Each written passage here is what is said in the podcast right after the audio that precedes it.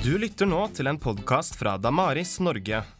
Vi ønsker å vise at kristen tro er relevant for tida vi lever i. Derfor er vi opptatt av å bygge en bro fra Bibelens verden til vår hverdag, ved å lytte nøye og søke å forstå både bibeltekstene og fortellingene i populærkulturen. Livssynsmangfoldet utfordrer, og vi vil ta utfordringa. Håper du blir inspirert til det samme ved å lytte til oss. Og temaet vi skal snakke om, er veldig viktig. Eh, Kjartan berørte noen av de spørsmålene som jeg er sikker på at vi har møtt noen hver av oss. Disse typer spørsmål møter vi hele veien. Hvorfor akkurat Jesus? Hva er det som gjør Jesus så spesiell? Hva er poenget med å tro på ham? Det fins jo så mange alternativer. Hvorfor akkurat Jesus? Du har kanskje møtt den i en eller annen utgave, en eller annen versjon. Eh, I hvert fall så møter jeg det ikke så sjelden akkurat det spørsmålet. Så jeg er sikker på at du har møtt mange ganger, enten selv eller fra andre. Ja, men hva med alt det onde? Hva med lidelsen? Hvordan kunne Gud tillate? Finnes det egentlig en god Gud når det finnes så mye ondt i verden?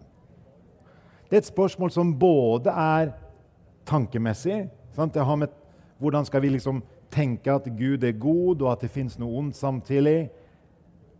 Og det har også med liv å gjøre. Det som skjer med oss underveis i livet, hvordan dette preger oss. Så det er ikke bare et tankemessig problem, det er også en, et, en livsutfordring ikke sant? Det, på mange måter. Så er det veldig vanlig i dag å si at alle har sin sannhet. Du har din, jeg har min. Et stadig mer aktuell, en aktuell holdning. En måte å forholde seg til dette på som vi møter veldig ofte. Så Kanskje dere også har møtt dette at vi lever i en opplyst tid, i en tid preget av vitenskap. Det er ikke naturlig i vår tid å tro på Gud, er det vel det? Er Gud egentlig ikke avleggs i en tid som har funnet på så mye? Jo mer vitenskapen finner ut, jo mindre plass har Gud. Hvis det da finnes noen Gud. Og så er det noen som hevder din tro er jo bare din krykke. ikke sant? Det du trenger fordi du har en svakhet i livet. Du er kanskje så utrygg at du trenger Gud. Um, jeg tror det var Lenin som sa det at en fattig mann har en rik Gud. Sånn? Tankegangen om at våre svakheter kaster vi liksom opp på et, et svært lerret, liksom, som er da det vi forestiller oss er Gud. Er Gud liksom. Vi trenger noe, så kaster vi det over på Gud. Vi trenger en bedre far enn den far vi har i verden. ikke sant? Vår egen far. Altså håper vi på en bedre himmelsk far. Vi trenger en Gud som har all makt i møte med våre utfordringer. Sant? Den tankegangen der. Livet, troen som en krykke. Og kunne vi fortsatt med mange andre spørsmål. Men dette er i hvert fall noen av de spørsmålene. Um, la meg ta en liten sjekk. Har dere som er her nå, møtt i hvert fall ett av de spørsmålene noen gang? La oss ta en sjekk. Opp med hånda. Ok. Det har i hvert fall følelse av at jeg snakker ikke helt til eh, folk som ikke har opplevd dette som noe som er aktuelt. Jeg har ikke lyst til å primært gå inn på de fem spørsmålene. Vi skal, håper vi får litt tid til samtale kanskje etterkant. Vi er en såpass grei gruppe at vi kan kanskje snakke litt etterpå. i samtale. Men jeg har lyst til å snakke enda mer om hvordan møter vi sånne ting. Hvilke holdninger har vi? Og hva er våre overbevisninger? Hva er de underliggende overbevisningene? La oss begynne med holdningene. Hvordan møter vi både egne og andre spørsmål? Jeg tror vi skal få lov til å møte dem med tre ulike holdninger. Med tillit til at vi vet hvorfor vi tror på Gud. Vi vet ikke alltid hvorfor, men vi vet hvorfor vi tror på Gud. Og Gud vet hvorfor, selv når vi ikke vet hvorfor. Skal utvikle det litt, litt mer. Forventning at det er faktisk mulig å finne ut veldig mye. Ja, en del ting er mysterier, en del ting er paradokser. Men midt oppi alt er det faktisk mulig å finne ut mer enn vi ofte tror. Og så en realisme om at vi er små mennesker som ikke har Guds forstand. Vi har, når ikke helt opp ikke sant, til, til, til Guds divisjon for å bruke det uttrykket. Hvordan, hvis du får et slikt spørsmål, hvordan er det da du tenker? Hvordan tenker jeg hvis vi skal prøve å finne svar? Det var litt interessant når jeg drev og forberedte dette. Sant? Dette er ting jeg har jobba med i mange mange år på ulike måter.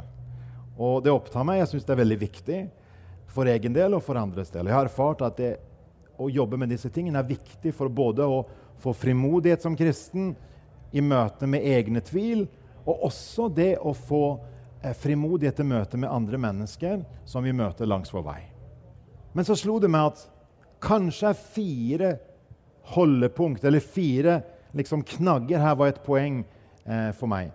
For, jeg, for når vi prøver å finne svar, må vi spørre oss hvordan ser helheten ut? Det er nemlig veldig lett at vi ser kun en del av bildet. At vi ikke prøver å se hele f.eks. den bibelske fortellingen. Noe av det som har vært flott med bibeltimene til eh, Knut Kåre, har vært at han har tegna opp liksom et stort lerret. Det bibelske fortellingen, det breie bildet om Herrens dag da, som ett tema. ikke sant? Men vi kunne ta hvilket tema som helst. Vi trenger det større bildet. Og jeg tror vår oppgave ofte er å ta kanskje et steg tilbake og spørre. Dere vet når en zoomer inn og zoomer ut. ikke sant? Og zoomer liksom ut litt fra spørsmålet og spør hva er det store bildet? For jeg tror ofte vi har en tendens til å zoome altfor mye inn, hvis dere skjønner bildet, sånn at vi ikke får med oss helheten. Det var det første poenget, å se helheten. Det andre poenget er hva er et godt nok svar? Um, det er selvsagt spørsmål hvilket spørsmål det gjelder. ikke sant? Men, men um, en av mine troshelter Vi trenger alle noen troshelter. Han heter Francis Schaefer. Han starta noe som heter Labri i 1955 i, i Sveits. Han sa det vi kan ikke gi uttømmende svar, men vi kan gi tilstrekkelige svar på livets viktigste spørsmål. We cannot give exhaustive answers, but we can give substantial answers. Altså ikke utfyllende, ikke absolutte svar, men svar som gir noen holdepunkt. For så, så er det umulig for oss å gi et svar på alt som har med det onde. Men kanskje går det an å si mye mer enn vi ofte sier. Det tror jeg faktisk det går an. For det tredje, hvordan se kontraster. Og med det mener jeg at vi veldig ofte Det er ikke bare det at vi zoomer inn, sånn at vi på en måte blir nærsynte, men vi glemmer også kontrastperspektivet og se forskjell mellom kristen tro og andre livssyn. Igjen f.eks. Det, det, det onde og lidelsens problem. Det er et kjempeutfordrende, det er veldig svære spørsmål. det. Um, og kanskje noen av dere baler med det akkurat nå. Det går i perioder for oss. No, et sånt spørsmål kommer ofte tilbake til oss i tanken. Kanskje fordi noe har skjedd i familie, i vennekrets, noe vanskelig. Eller vi har møtt noe i nyhetene, sant? eller et eller annet. Eller blitt utfordra fra en god venn eller noen i familien, i klassen eller arbeidsplassen, eller hva det er for noe, til, til å mene noe om dette. Så det er veldig ofte at vi får det inntrykk av at du og jeg som kristne, det er bare vi som skal svare på det spørsmålet. Ingen andre skal svare på det. Vi som kristne vi er pliktige til å si veldig mye om det, og ingen andre trenger å si et ord. Har dere tenkt den tanken noen gang? I hvert fall er det veldig lett at vi gjør det. Men hvor har vi det fra? Ja, Det må være en myte i dag. i tilfelle. Er det ikke sånn at alle mennesker erfarer disse problemene? Og jeg har lyst bare å, For å bruke det som et eksempel, det spørsmålet der. ikke sant? Er det lettere å svare hvis du kutter ut Gud? Bare ta ett eksempel. Hvor kommer det gode fra? Hvordan vet vi at noe er godt? Hvordan vet vi at noe er absolutt godt og rett hvis det ikke finnes en Gud? Det er faktisk mange ateistiske filosofer som sier at nei, det går ikke an å si at noe er absolutt rett og godt hvis du flytter Gud ut av ekvasjonen, sant? ut av bildet. Eller hvis du flytter ned til Østen, til Østens religioner. Hinduisme, f.eks. Der, det onde er en del av kretsløpet. Sant? Vi samler på oss karma, sant? negativ bagasje. Og da må vi gjøre å få positiv bagasje i stedet. Er det en bedre løsning? Og sånn kunne vi fortsatt ikke sant? fra livssyn til livssyn. Det er ikke uten videre sånn at det å kutte ut Gud gir oss en bedre løsning på et svar. Det er ikke uten videre sånn at det å kutte ut Bibelen gir oss bedre, en bedre løsning så vi må aldri kun se kristen tro i et vakuum. Vi må alltid prøve å sammenligne det, se forskjeller og likheter. I hvert fall har jeg opplevd det utrolig berikende for egen del å utforske det litt. Eksempel, hva er det mest sentrale bildet av, eh, i kristen tro? Symbolet i kristen tro? Er ikke det korset? Og på et krusifiks vet dere, har vi Jesus som Guds sønn som lider på et kors. Altså midt i lidelsen, der er Gud. Det svarer ikke på alle problemer, men det er i hvert fall der Gud er. Hva er det mest sentrale symbol i buddhismen?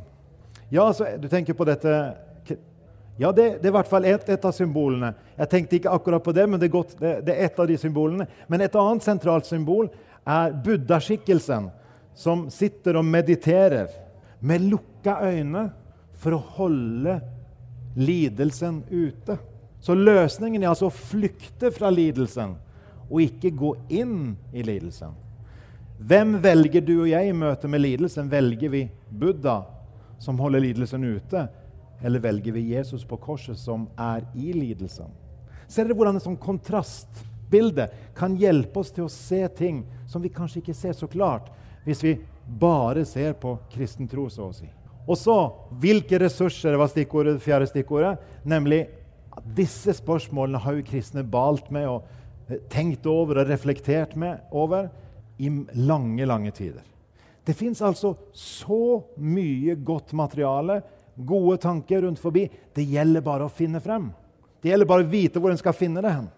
Det var en av grunnene til Kjartan nevnte at vi starta Damaris. ikke sant? Det, um, dere har kanskje hørt om det.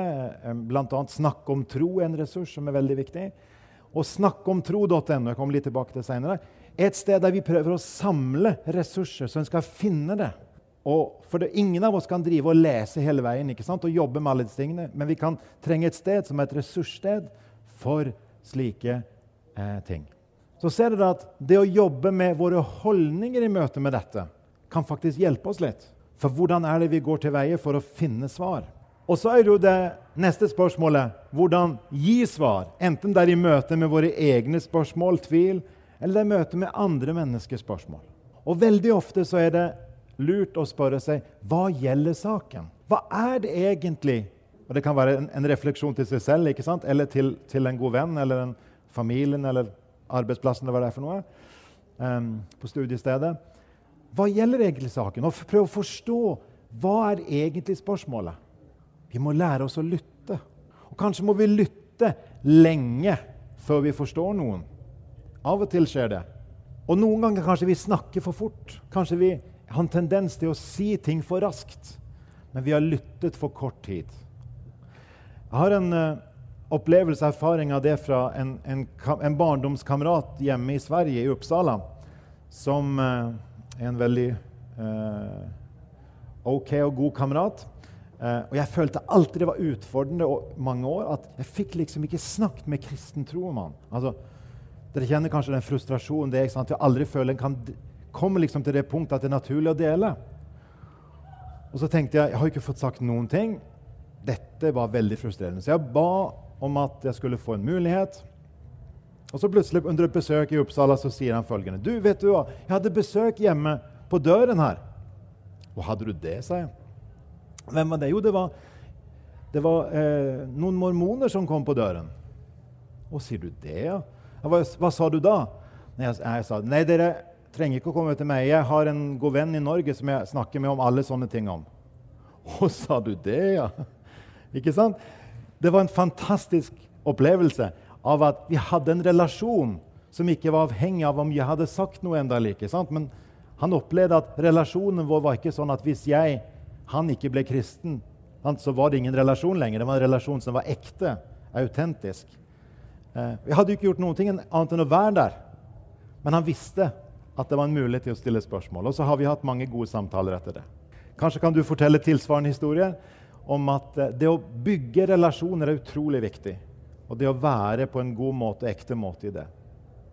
Så det å lytte og prøve å forstå hva gjelder saken Noen ganger er det et spørsmål som ligger under et spørsmål. Ikke sant? Noen spør om noe, så er det egentlig noe annet som ligger under. Så vi trenger å lytte og ikke være for raske til å gi svar, tror jeg. Men noen ganger skal vi med frimodighet gi svar når det er slik det er mulig. Og Det andre er da litt tilbake til det forrige jeg snakket om. Hvordan passer dette inn i det større bildet? Altså, det spørsmålet som den personen reiser, er det en del av et større spørsmål? F.eks.: hvis noen begynner å snakke konkret om en eller annen vanskelig bibelsted et eller annet sted, fins nok av utfordrende bibelsteder til å snakke om. Vi kan holde det gående både én og to og tre dager og et helt uhell hvis det var det. Men kanskje er da egentlig ikke det viktigste spørsmålet akkurat det bibelstedet, men holdningen til Bibelen. Og hvordan går vi frem for å prøve å finne en løsning eller to? Ser dere det? At det gjelder å spørre hva er det egentlig underliggende spørsmålet hos oss selv og hos andre. Og så videre, hva er det unike? Det er alltid lurt å være på jakt etter det unike i kristen tro. Visse ting er likt i forhold til kristen tro og andre ting, andre livssyn, mens andre ting er helt unike. Jeg lurer på, Hva, hva ville du svart hvis du fikk spørsmålet fra noen? Hva er egentlig det unike? Hva er det helt spesielle med kristen tro? Det kunne være en interessant eh, oppgave til å snakke sammen om en gang. Kunne ikke det? Og prøve å, å, å svare på det spørsmålet. For hvis ikke vi kan svare på det, da kan ikke vi si så mye om hva er det som egentlig er det unike med kristen tro. Jeg leste en bok en gang av en uh, islamekspert, som var en, en veldig flott kristen uh, personlighet. Han skrev også en bok som heter 'Kristen tro og sammenlignende andre religioner'. Christianity Comparative Religions. Han sa en måte å si det på at i kristen tro finner du et unikt budskap. Eller unnskyld, en unik proklamasjon, sa han. Noe har skjedd i historien. Ikke noe annet livssyn proklamerer akkurat det. Unik proklamasjon, noe har skjedd i historien.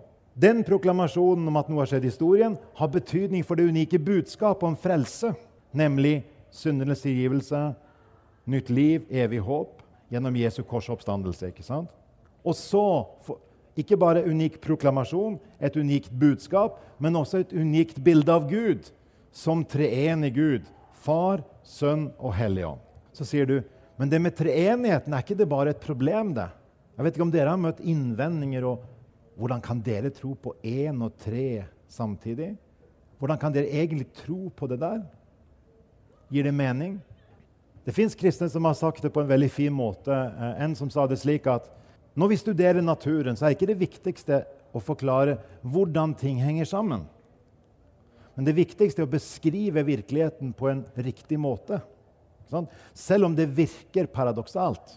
Så hvis virkeligheten, virkelighet, virkeligheten er slik at hvis du undersøker Gud, så si undersøker Gud og spør er Gud far, ja, han er far.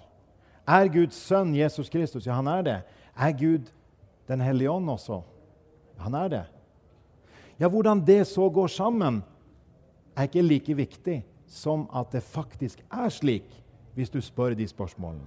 Det er en måte å, å bringe et sånt spørsmål på en mer fruktbar måte. En annen måte å si på at, at uh, Husker dere Johannes 17? Jesu ypperste prestelige forbønn. Jesus ber for disiplene. Husker dere det kapitlet? Og så sier Jesus noe om at før verden ble skapt, elsket du meg, sier han til sin far i himmelen. Altså, før verden ble skapt, elsket du meg. Det vil altså si at før universet ble skapt, før Big Bang, om du vil, så var Gud. Og Gud var kjærlighet.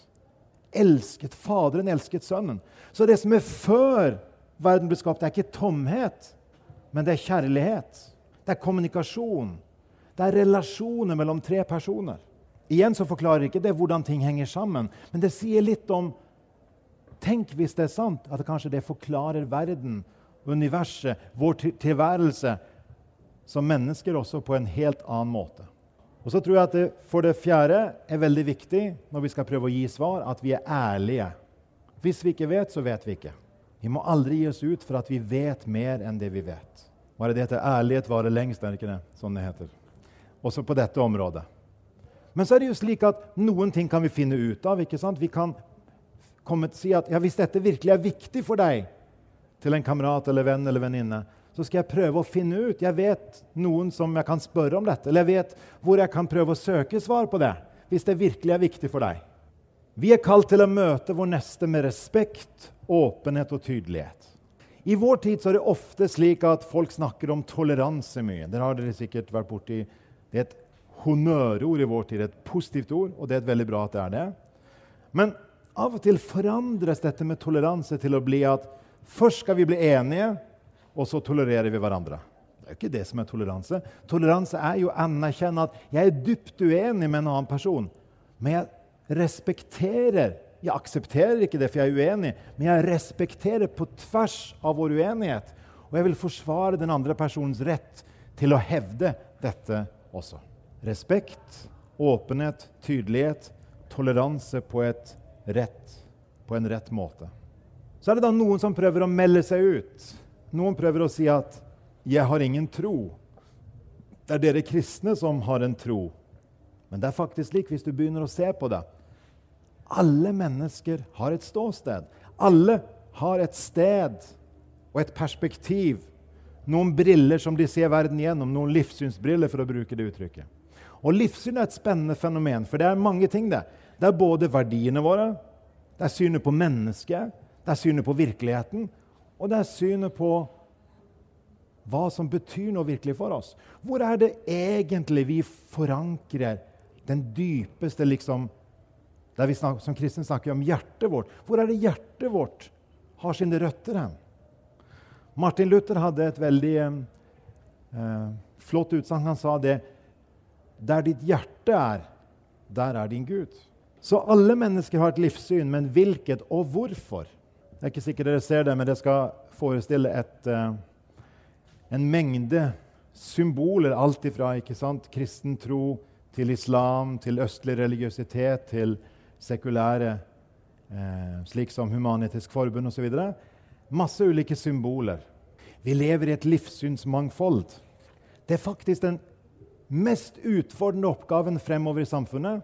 Det er simpelthen å prøve å leve på tvers av ulikhet. Å klare å leve på tvers av ulike overbevisninger, grunnleggende overbevisninger. Nå I slutten på juni så var det en spennende sak som skjedde i Brussel. En av eh, de som vi har nær kontakt med på Gimlekollen, som heter Oss Guinness, eh, en faktisk nær venn til eh, Becky også, Pippert, han var med og lanserte et såkalt samvittighetsmanifest. Fått med seg en 30-40-50 ulike personer fra ulike ståsteder. Og de vektla følgende for å, for å, bruke det til vår sammenheng. Vi har alle rett på vår overbevisning, vi har rett for vårt perspektiv. Og vi har også rett til å dele vår tro på Jesus med andre. Det er veldig viktig at vi ikke gir opp denne grunnleggende overbevisningen om at vi har rett til å tro på noe absolutt sant. Rett til å tro på Jesus som den eneste, han som presenterte seg selv som veien, sannheten og livet. Så merk dere det. Hvis dere går inn på min blogg, eh, larsdale.no, så vil dere finne et blogginnlegg om det litt tidligere i sommer. Om denne of, The Global Charter of Conscience, hvis dere er interessert i spørsmål som har med disse tingene å gjøre. For det er nemlig viktig at vi er klar over det at på noen punkt kan vi stå sammen med mange andre mennesker til å forsvare retten til å hevde sin overbevisning. Sant? Vi kan være uenige om hva som er sant, men vi kan stå sammen med retten å hevde absolutte standpunkt. Da er vi tilbake til et av de første, første sant, eh, utfordringene vi møtte. Alle har sin sannhet. Nei, det er ikke så enkelt. Eller det er jo i hvert fall ikke slik. Fordi det er forskjell på ulike ståsteder. Det er forskjell på ulike måter å se verden på. Det går ikke an å bare si at alt er like sant. Eh, hvis alt er like gyldig, så blir alt likegyldig, som noen sa en gang. At hvis alt er bare det samme, så bare flyter alt sammen i en grøt. Igjen fokus på våre holdninger og våre overbevisninger. Og jeg har lyst til å bruke noen bilder her for å eh, prøve å se litt hva, hva, slags holdninger er det Bibelen kaller oss til. Den første holdningen, vet ikke om dere ser det Ser dere bak der?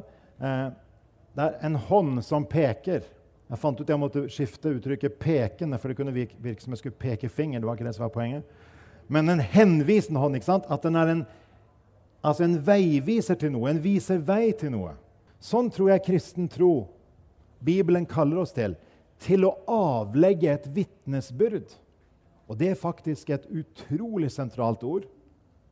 Og Da tenker jeg ikke bare på det vi noen ganger snakker om vitnemøter hvis dere har vært på et vitnemøte i kristen sammenheng, så er det en veldig fin sak der en deler kan i hvert fall være veldig fint, der en deler ting med hverandre hva som har betyr mye for en som kristen.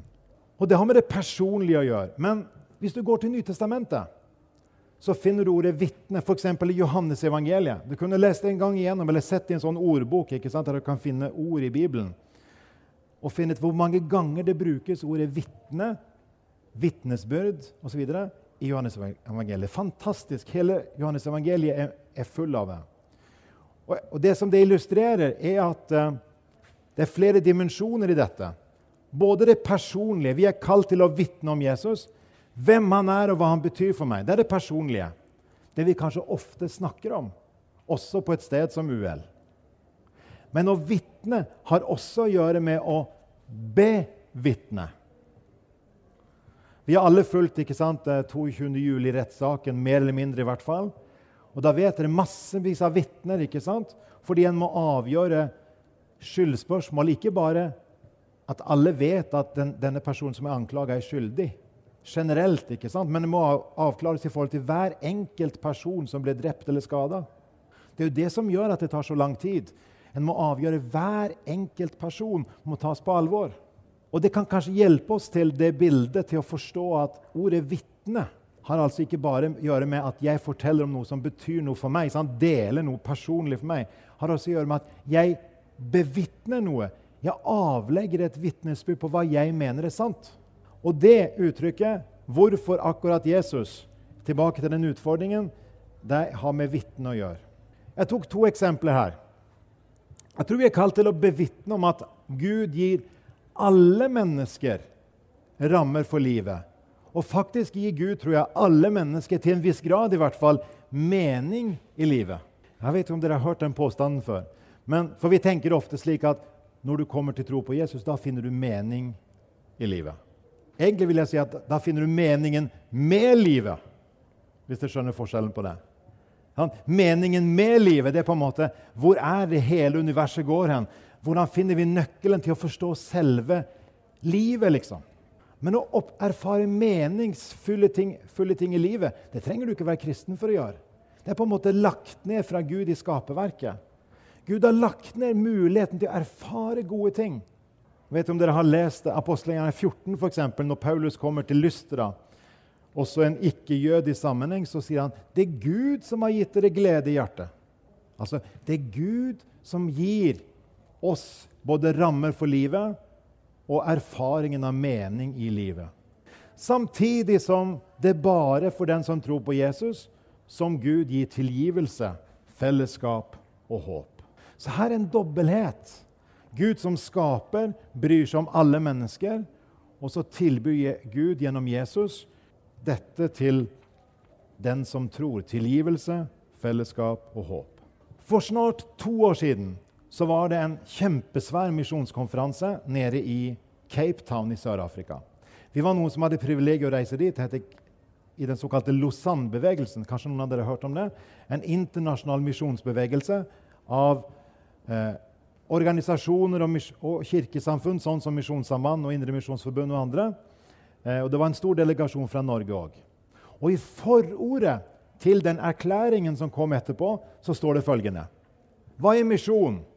Misjon er å bære vitnesbyrd om Jesus, Kristus og alt han lærte. Det er liksom det første. ikke sant? Det er det vi har snakket om nå. er det ikke det? Å bære vitnesbyrd om Jesus og alt han lærte. Men hvor skal vi bære, bære vitnesbyrd hen? Så kommer det omtrent som det er en tredimensjonal forståelse av misjon. For det første det vi oftest hører om blant alle folk. Altså krysse grenser med evangeliet. ikke sant? På tvers fra Norge til Etiopia, fra Norge til Indonesia. Eller fra Afrika til Norge, sant? eller fra Asia til Norge, eller hvilken vei det nå er. For evangeliet er fra overalt til overalt i vår tid. Men det er også det å bære vitnesbyrd om Jesus i alle deler av samfunnet. Har du tenkt på det? Vi er kalt til å være lys og salt i alle deler av samfunnet. Dette opptar meg mye til daglig. Fordi jeg jobber med noen områder i samfunnet som har med mediene å gjøre, kommunikasjon, journalistikk. ikke sant? Da er jeg opptatt av hva betyr det å bære vitnesbyrd om Jesus på de områdene.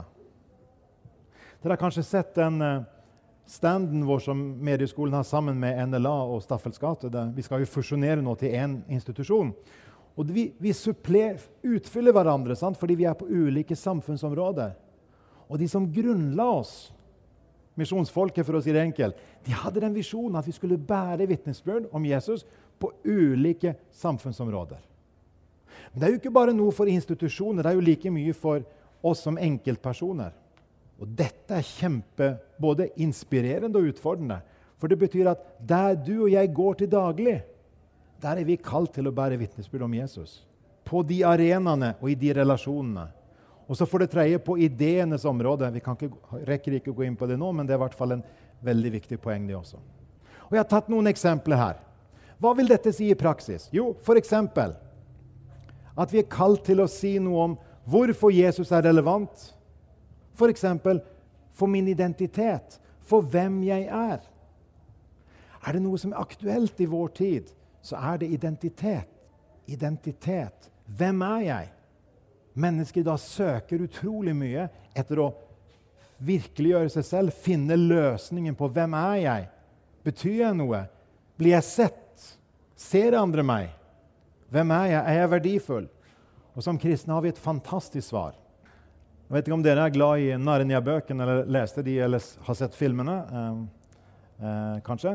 Eh, da er det mulig at dere husker et sitat. Um, Aslan Løven sier til et av barna, de kanskje yngste, Lucy, at eh, dere kommer fra lord Adam and lady Eve. ikke sant? Herr Adam og, og fru Eva. Og det er tilstrekkelig å bøye hodet på den stolteste kongen i verden. Altså, det er så skamfullt pga. synden at selv den mektigste konge må bøye seg i støv i møte med Gud. Men det er også en sånn stor ære å komme fra Guds skaperhånd at den fattigste tigger reises opp, er bildet. It's uh, shame enough to bow the shoulders of the power, most powerful king on earth. And it's, uh, um, it's uh, um, pride enough to erect the shoulders of the poorest beggar. Videre, hva betyr det for mine relasjoner at Gud, at Jesus er den han er? Det er noe av det som, som Rachel og Jason Gardner fokuserer på. ikke sant? Også relasjon gutt-jente, eh, mann-kvinne. Eller relasjoner foreldre, besteforeldre. Eller relasjonen eh, på arbeidsplassen eller på studiestedet. Hva betyr det at Bibelen er relevant for mitt fag og mitt yrke? Jeg tror vi trenger å hjelpe hverandre til å se hva det betyr å være kristen i hverdagen. Noen av de klassiske, gamle sangene vet om dere har hørt, sier mye om dette. Hadde dere noen gang møtt denne sangen 'Hverdagskristen vil jeg være'? Syn for seng, det krever Guds ord. Sånn, det er en sånn klassiker av sang som sier mye av dette egentlig, på sin måte med sitt språk, så trenger vi å si det i vårt språk med vårt språk i dag. Så det første var en henvisende hånd, peket til Jesus. Det andre er en åpen hånd, en invitasjon. Jeg tror vi trenger å invitere andre både til å stille spørsmål til oss og til å svare på spørsmål. Jeg er veldig glad i, i eh, denne teksten i Matteus 16. Jesus eh, sier til disiplene Han stiller de to spørsmål. Hvem sier folk at jeg er? er det første spørsmålet. Og det andre spørsmålet hvem sier dere at jeg er? Så selv Jesus var altså opptatt av å vite noe hva folk flest mente om ham. Er ikke det fascinerende å tenke på? At Jesus i hvert fall ønsket at disiplene skulle sette ord på det i møte med seg selv. Så kanskje vi også trenger å stille de to spørsmålene i dag. Hvem sier folk at Jesus er, og hvem sier vi at han er? Vi er kalt til å gi ærlige svar på ærlige spørsmål. Det er veldig viktig. Vi har snakket om litt om det før. Men vi trenger også lære oss å stille gode spørsmål til andre. Kanskje er vi mye mindre flinke på det. Kanskje er vi faktisk bedre til å svare enn vi er til å stille spørsmål. Hvis du leser evangeliet, så er det fascinerende at Jesus nesten like ofte, for å ikke si oftere, stiller spørsmål enn han gir svar. Nå er ikke vi som Jesus i alle ting, men allikevel så, så, så, er Jesus et forbilde for oss. Har du og jeg øvd oss på å stille gode spørsmål til andre? Om hva de tror på, om hva deres livssyn er. Eksempel Hvilket svar har du på hvor alt i verden kommer fra? For hvis du kutter ut Gud, hva er da ditt svar? Det er jo et ærlig spørsmål å stille hvis en har en god, naturlig relasjon. Eller hvilket svar har du på hvem Jesus er? Hvis du kutter ut alternativet Guds sønn, jeg gir det mening, det vi vet om Jesus? Og Det er på det punktet ikke sant, som ikke minst Uncover er så fantastisk eh, flott, fordi det åpner opp dette bibelstudieheftet vi, vi fikk i går kveld. Um, åpner opp ikke sant, til å sitte seg ned og oppdage hvem Jesus er, sammen med andre. Og videre hvilket svar har du på dette med det onde og lidelse? Det tror vi kommer å oppdage da, at mange mennesker har aldri fått slike spørsmål. Nå må ikke vi stille de spørsmålene for på en måte, Det må ikke være kunstig, det må være ærlig, fordi vi faktisk ønsker å vite hva andre tror på. For da tror jeg at for det første så lærer vi noe om dem. Vi lytter, vi lærer oss til å forstå de bedre. Men videre så tror jeg også, hvis det er en ekte og god relasjon, så vil det naturlig spørsmålene bølge frem og tilbake etter hvert. Men kanskje vi burde øve oss på stille spørsmål og ikke bare svare på spørsmål. Og Det er da som jeg har lyst til å anbefale ikke bare Uncover, men også Snakk om tro, som jeg nevnte tidligere. En fantastisk ressurs som kommer å brukes som en sånn eh, støtteressurs eh, for eh, Uncover. Det ligger utrolig mye, mye, aktuelt ute der, av videoer, av artikler, av ulike typer stoff, til fordypning eller til å dele med andre. Veldig mye aktuelt. Det bringer oss til det tredje og siste en argumenterende hånd. sant? Den henvisende hånd er hånden som peker på Jesus, altså bildet på å vitne om. Den inviterende er å invitere til å stille spørsmål og til å svare på spørsmål. Og den argumenterende hånden er bildet av at vi er faktisk overbevist om at noe er sant. Hva betyr det? Jo, det betyr at vi må spørre oss når disiplene, apostlene, de første kristne, ble utfordra på det de trodde på. Hva trodde de på? Jo, Hvis de leser i, for i 1. Korinterbrev, så står det at Paulus sier vi tror på én Gud og én Herre. Dette var de virkelig overbevist om at det var sant. Så kan vi etterspørre, undersøke, utforske Nytestamentet. Hvordan er det så de første kristne, Paulus, Peter og de andre, hvordan møter de spørsmålene til seg? Innvendingene. Hvordan møter de de tingene eh, som de kommer i møte med. To raske eksempel. Eksempel 1.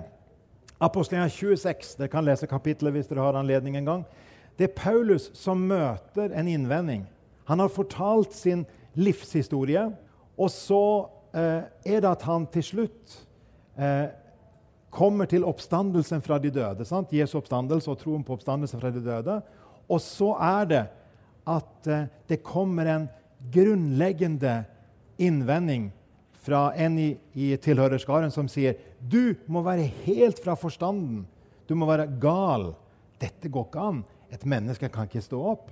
Og så er det interessant hvordan Paulus besvarer dette. Du kan lese det selv. Han sier ikke at 'nei, du har din tro, og jeg har min tro', og vi må bare gå videre og tolerere hverandre. Eller han sier ikke at 'nei, dette her skal vi nok komme, eh, komme forstå mer av, av hva vi mener. Eh, egentlig er vi nok ikke så uenige allikevel. Bare vi snakker sammen eh, lenge nok, så kan vi forstå at det, under dette så ligger det allikevel noe som vi sikkert kan bli enige om. sant? Eller noen av de andre holdningene vi møter i dag. Nei, Paulus argumenterer veldig klart, og han bruker tre stikkord. Det er sant fordi, for det første, det har skjedd, og det fantes vitner. Det med Jesus er faktisk dokumentert. Det er det første. Det fins dokumentasjon. Og igjen Uncover ikke sant? bruker den dokumentasjonen fra evangeliene eh, fra de første vitnene. For det andre det er vel gjennomtenkt. Paulus bruker akkurat det uttrykket. Han har tenkt igjennom det vel. På gresk står det faktisk 'det er fornuftig', 'det er logisk'.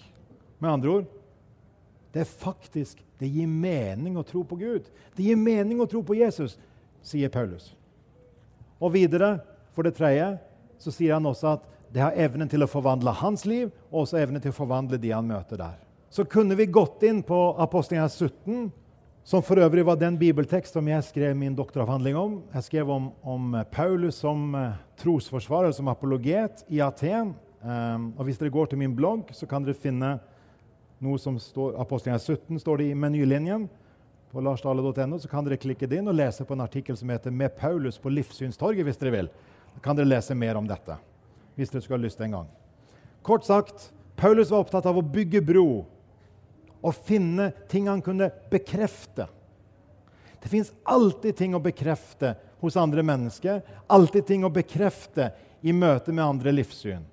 Samtidig som han kom med argumentene 'Hvorfor er det sant?' Og så avrunda han med noen grunnleggende utfordringer. Noe som da ble spenningspunkt, som sto i spenning mellom kristen tro og det de trodde på. Vi kunne gått inn på mange måter på dette, men, men jeg skal bare helt raskt si at Paulus begynte med å tegne bildet av at blant alle alternative bilder i verden så gir Gud som skaper det beste, mest troverdige bildet. Så du, når du ser på verden rundt, det mest troverdige livssynet det er Gud som skaper, sa Paulus. Han brukte ikke akkurat de ordene, men, men det er på en måte essensen i det han sier. Men hvis Gud er skaper, hvis Gud er den som har skapt alt, hvis Gud er opphavsmann, så har jo Gud også opphavsrett til sitt skaperverk. Dere vet En musiker har opphavsrett til det han har skapt. Så hvis Gud er opphavsmann, så har han opphavsrett. Hvis Gud er author of life, så har han authority over life. Så Gud har faktisk copyright på universet hvis han er skaper. Gud har copyright på alle mennesker. Gud har Rettighetene er på en måte Guds og ingen andres. Det er faktisk et veldig, veldig klar og veldig tydelig argumentasjon hos Paulus. Men så var det da noen som lurte på men er Gud fortsatt ukjent. da? Det er greit at han er skaper, liksom, men har han vist noe hvem han er? Og Så sier Paulus i realiteten at Gud har vist sitt ansikt og sitt navn i Jesus Kristus. Dette kunne vi snakke lenge om, men det har vi ikke tid til. Derfor må vi prøve å få tid til litt samtale også, hvis dere har lyst til det. Jeg vil derfor oppfordre dere til å bli kjent med gode grunner for hvorfor kristen tro er sann og relevant. Bruk tid til å bli kjent med hvorfor-spørsmålene, og ikke bare og, og de gode svarene på det. For det er nemlig sånn at Ofte så møter vi spørsmål i, i vårt eget liv, og vi trenger å jobbe med det. Og vi møter spørsmål hos våre venner, arbeidskamerater i familie, og vi trenger å jobbe med det, lytte, sånn at vi kan gi best mulige svar. Legg merke til formuleringen. sant? Det er ikke svar som er vanntette, for det fins ikke. I dette livet fins det ikke vanntette svar, men de best mulige svarene finnes. Til ettertanke. Jeg nevnte Francis Schaefer tidligere. Jeg har lyst til å si det som det siste. Et sitat her hvis dere kan lese det. Er ikke sikkert dere kan lese det så lett, men han sa det. Vi trenger å bøye oss for Gud to ganger.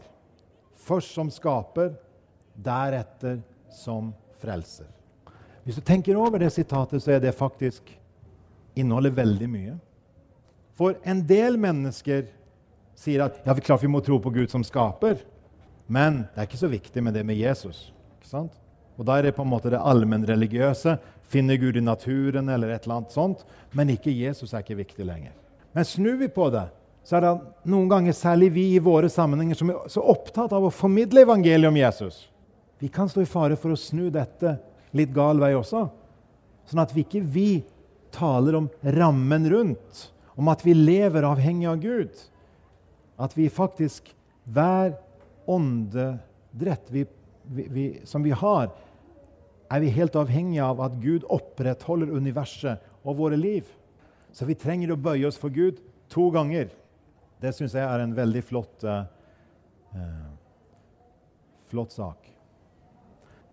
Kjære seremonimester, vi har fortsatt uh, noen Egentlig ca. en time skal det være. Vi har fem-ti minutter igjen av det. Og så uh, kanskje hvis det er noen som har noen kommentarer, spørsmål, tanker, så tar vi tid til det nå før vi avrunder. Fins ikke dumme spørsmål, bare, bare dumme svar. Er det, er det, noen av de spørsmålene som er særlig brennbare? Ett av de. Skal jeg repetere gjenta det gode, det gode som ble sagt. Eh, altså At vi i dag ofte møter dette med, med alle har sin sannhet. Når vi hevder Jesus er sannheten, og så sier nei, det er ikke mulig å være å hevde noe sånt, sier folk. La meg dele litt av det som en, en kan si, da. Uh, uten at det er fasitsvar, men det er bare noen refleksjoner ikke sant, som, som jeg syns er viktig å ha med seg. Én ting er at hvis, det, hvis noen sier alt, alle har sin sannhet En annen måte å si på det alt er relativt. Men det er en besnærende påstand. For alt er relativt er, betyr at alt i verden er relativt, unntatt setningen 'alt er relativt', som, som jo faktisk er absolutt. For den er en absolutt påstand. Og hva gir den hva, hvilken rett har den personen til å hevde at alt er relativt? Det betyr at den personen beveger seg opp i et slags helikopter for å bruke det bildet, ser på alle alternativene i verden og sier at 'jeg vet at alt er relativt'. Kan du tenke deg? Og dere andre, for en utrolig Skal vi bruke et sånt skjellsord i dag? For en fundamentalisme, ikke sant? for å bruke noe av det verste folk kan si. Altså For en arrogant holdning, egentlig. Altså, En utelukker muligheten for at noen av de som kommer på de ulike veiene, ikke sant, skal kunne si noe sant. Absolutt. Og det tror jeg folk tenker ikke på når de sier det. At de faktisk sier noe veldig dramatisk som de ikke har tenkt over ofte. Og det, Da er det mye mer ydmykt, reelt ydmykt, tenker jeg å si det at jeg er overbevist om at det jeg hevder, er sant. Men jeg er ikke 100% tankemessig sikker men jeg mener at det er overveiende sannsynlig. Men jeg tillater andre til å hevde motsatt. Så møtes vi ikke sant, og argumenterer mot hverandre på det åpne torget. så å si. Og så kan du si, Neste spørsmål er da hva med Jesus? Eh, for, for, å ta det bare før det. Eh, hvorfor akkurat Jesus? Som har med dette å gjøre også, ikke sant? Eh, eh direkte. For, og da kan du, Hvis du ser på Jesu liv så var det igjen C.S. Lewis som sa det i boka 'Se det i øynene'. sa det at Når du ser på alt, så gir det ikke mening å kalle Jesus bare et godt menneske. Fordi han passer ikke det. Han bryter den kategorien. Han var et godt menneske, men så mye, mye mer. Så enten var han Så kommer det klassiske tre alternativene fra, fra C.S. Lewis. Lord, liar og lunatic. Herre, løgner eller galning. Så kan du legge til et fjerde som han ikke sa, nemlig legend Altså legende. Ikke sant? Det historisk ikke riktig. For å få det fullstendig må det fjerde være med òg. Så kan du spørre ut fra materialet vi ser i Nytestamentet, var Jesus en løgner? Nesten ingen hevder det. Var Jesus en galning? Enda færre hevder det. Men det koster for mye å akseptere på en måte det Jesus er. Så, så holdningene kommer inn i bildet da. At vi vil ikke akseptere det fordi det koster for mye å akseptere følgene av det. tror jeg. Så, så, hvis vi klarer å ha en dialog sant, der vi kan respektere og bekrefte mennesker, og samtidig utfordre og være åpne og tørre å stille motspørsmål, så tror jeg faktisk en kan få en veldig god dialog om disse spørsmålene. Så det er noen av de refleksjonene kan begynne, sant? De begynner å nøste dette, er det utrolig mye en kan oppdage. For en ser at det ligger så mye mer under det som tilsynelatende sies. Ikke sant? Det er lett å kaste ut. Alt er relativt. Å ja, men det er mye som følger med på bagasjen da. Så enten så skal den personen, mener jeg, erkjenne at jeg mente egentlig ikke det. Hvis jeg skal være helt ærlig. Og rykke tilbake noen steg, hvis dere skjønner bildet. Så vi kan snakke på en måte på et nivå. For egentlig er det fryktelig intolerant å hevde det i møte med alle andre. Ikke bare oss kristne, men alle som mener vi er overbevist om noe. Ja. Det var en lang refleksjon, men det var to viktige spørsmål. Ja. Et spørsmål, ja? Eller kommentar? Hvis en tar bort Gud, hvor kommer da menneskeverdet fra? Det er et veldig interessant spørsmål, for det er viktig for oss å prøve å forstå hvordan andre mennesker og andre livssyn tenker. Og forstå det innenfra. Um, det er klart, da må jo altså Det som vi sier, at Gud har gitt oss en verdi, og den er utenfra oss. Det er Gud som har gitt oss. Han på en måte stempla oss positiv forstand med en positiv verdi. Altså, han har gitt oss en verdi. Den er umulig å fjerne. Den er uavhendelig, som det heter. Da må det jo være på andre måter. Det må være noe ved menneskets egenskaper eller funksjoner eller ytelser som gir menneskeverdi. Og Her er vi inne på noe av kjernen i forskjellen mellom humanetisk tro eller humanisk livssyn og et kristent livssyn. At en kan bekrefte noe av det samme om mennesket ved Det er en, en viss grad av, av, av, overlapp i forhold til at en sier at mennesket er annerledes.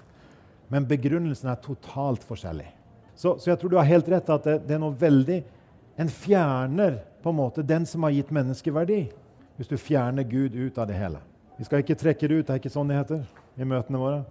Da har Jeg lyst til å, jeg har nevnt allerede um, min blogg, der dere finner litt mer om dagens tema. larsdale.no, Så jeg har nevnt 'Snakk om tro' sant, som en ressurs som er veldig veldig relevant. Så har jeg lyst til å nevne to raske ting, nemlig en bok som i dag kun er 100 kroner, 'Svar skyldig', om nye ateister og New Age. Bjørn Are Davidsen, en god venn, som skriver, uh, har en egen blogg som heter Dekodet. Uh, og skriver med humoristisk blikk og meget god sans for ting og tang, og har en enorm overblikk, enormt overblikk over historien osv. Han skriver om myter og kristen tro, og hva, hva, kan vi svare? Så her eller på stand til Gimlekollen så kan dere kjøpe den kun for 100 kroner. hvis dere har lyst til det. Det er en sånn eh, enkel og grei og lettlest bok, men samtidig mye å oppdage. For vi trenger vi egentlig bli svar skyldig, ikke sant? apropos tema i dag. Så for dere som ønsker å trenge litt dypere inn i stoffet, så har det liksom vært et et, et anliggende for oss på Gimlekollen og for meg personlig å prøve å skape ressurser på ulike nivåer og på ulike arenaer. Snakke om tro på en måte er de hverdagslige ressursene i hverdagen. Og så har du noen bøker som trenger litt dypere, noen studier som kommunikasjon, livssyn og andre studier. Men også Theofilos, et tidsskrift. Kjartan nevnte det så vidt i introduksjonen. Og det er ment å både være på et sånt høyskolenivå og litt sånn forskningsprega også. Og det er et nordisk tidsskrift om disse spørsmålene. Så hvis dere har lyst til å, å kjøpe et eksemplar, 150 kroner, eller bestille et abonnement, så veldig gjerne hvis dere ønsker å fordype dere i dette. Så um, det var dagens muligheter. Det er dere som velger om dere vil bruke det. Det var i hvert fall greit å vite om det. Så vil jeg si at bruk Uncover for alt hva det er verdt. Det er gull verdt. Så kanskje vi skal avrunde charta med at jeg bare ber kort. Kjære far, takk for uh, muligheten til å snakke sammen nå om viktige spørsmål så ber vi om at du gir oss til å vokse i troen og kjennskapen til deg, sånn at vi kan bli tryggere i bekjennelsen og livet, og bli tryggere og åpnere og eh, på en god måte nær våre medmennesker. Du ser de vi tenker på, kanskje noen hver av oss, som vi har gode relasjoner til, som vi ønsker å dele troen med. Herre, gi oss til å både stille de gode spørsmålene og gi de gode svarene. Velsign UL videre for hver enkelt av oss. I Jesu navn. Amen. Takk for at du lyttet til denne podkasten fra Damaris Norge. Du finner flere ressurser fra Damaris på snakkomtro.no, kulturvindu.no og konfirmantonline.no.